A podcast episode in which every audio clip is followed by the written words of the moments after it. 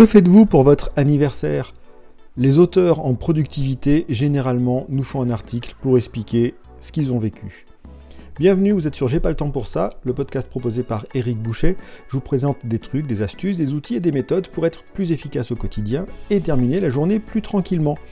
En l'occurrence, sur ce sujet, monsieur Mike Vardy, qui est un des experts en productivité et qui tient le blog de Productiviste, vient d'avoir 49 ans et donc nous a pondu une jolie liste de 49 leçons de vie qu'il a apprises autour de ces 49 années.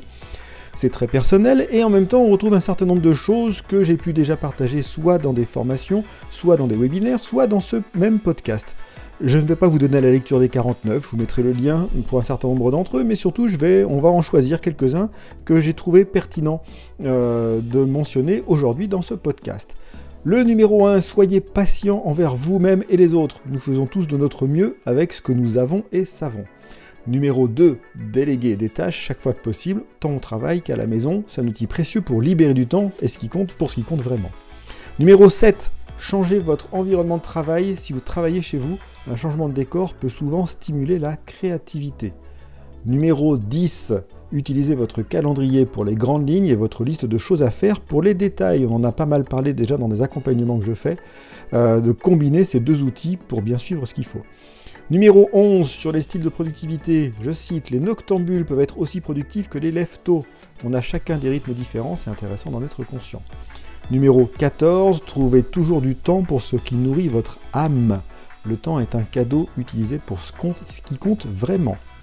Numéro 19, ça fait longtemps que je l'ai entendu, mais elle reste pertinente. Investir du temps dans l'apprentissage chaque jour rapporte des dividendes à long terme. Continuez d'apprendre continuellement.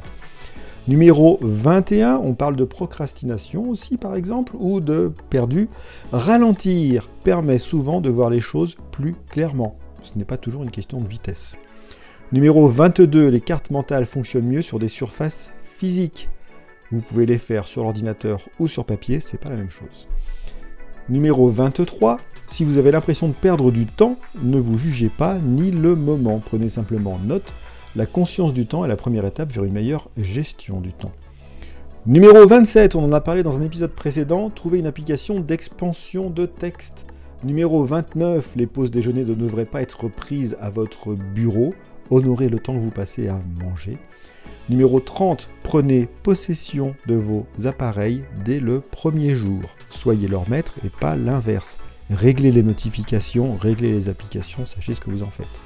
Numéro 31, utilisez un calendrier mural pour une vue d'ensemble pour votre journée. Numéro 34, tenir un journal est une pratique de productivité sous-estimée. Et si vous avez besoin de prompt, on a ça aussi sur l'épisode 58 justement.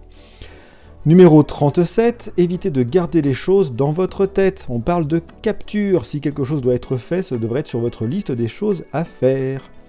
Numéro 38, fac si facis. En latin, ça signifie fais-le si tu vas le faire. En langage Jedi, n'essaye pas, fais-le.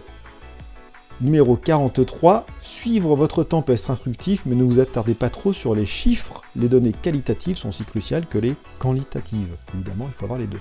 Et on reste sur le même sujet, numéro 48, équilibrer la productivité qualitative avec la productivité quantitative. Les chiffres ne racontent que la moitié de l'histoire. Je vous laisserai consulter tout le reste. On est déjà à plus de 3 minutes. C'était les 49 leçons de Mike Vardy pour ses 49 ans dans J'ai pas le temps pour ça.